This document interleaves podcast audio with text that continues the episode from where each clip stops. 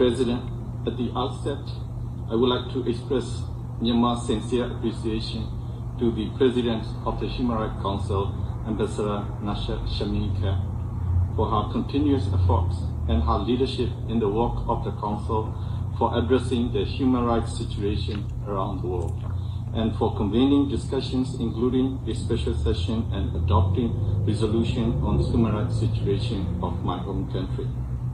The Council's report and addendum contains three country-specific resolutions on Myanmar, reflecting on ground situations. As many reports reflect, after the illegal military coup, grave human rights violations were witnessed across the country.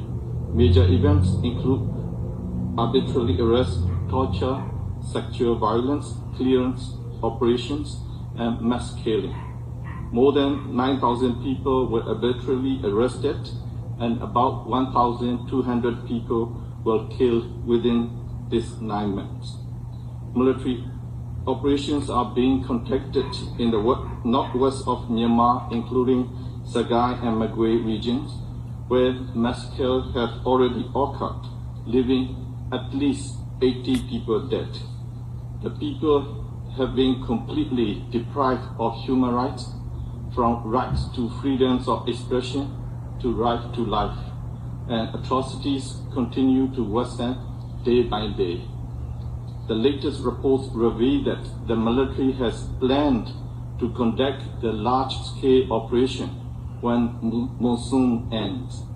The clearance operation target People's Defense Forces and civilians at large. As such, these disproportionate and indiscriminate attacks will create bloodier incidents and more alarming human rights situations and tragedies.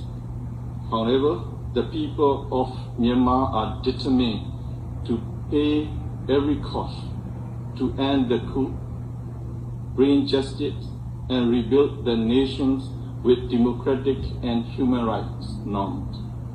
Besides domestic efforts from various corners, close cooperation with special procedures mandate holders of the UN, and acceptance of jurisdiction of the ICC are significant efforts of the National Unity Government. In addition, regarding the human rights situation of Rohingyas, the NUG has announced its policy to address accountability for crimes committed against Rohingya, citizenship issue, and early repatriation of Rohingya, among others.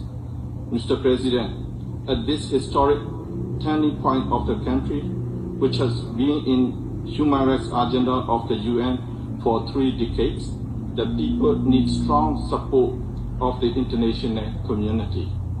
Therefore, we request the Council to maintain the issue of Myanmar at the highest on its agenda anti-democracy and human rights are fully restored in my country, and request all member states and the UN bodies to stand with the people of Myanmar.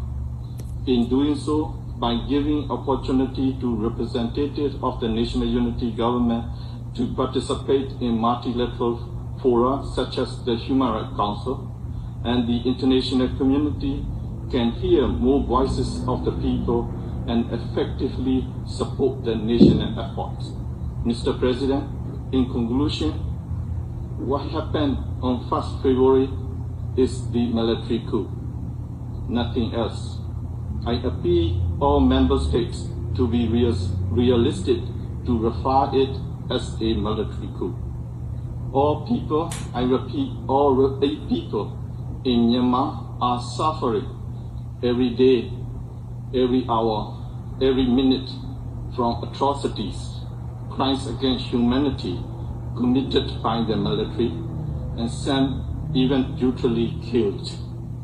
In a township called Thantlang in Chin State, west of Myanmar, more than 100 houses, including two churches, were burned down by the military troops today alone.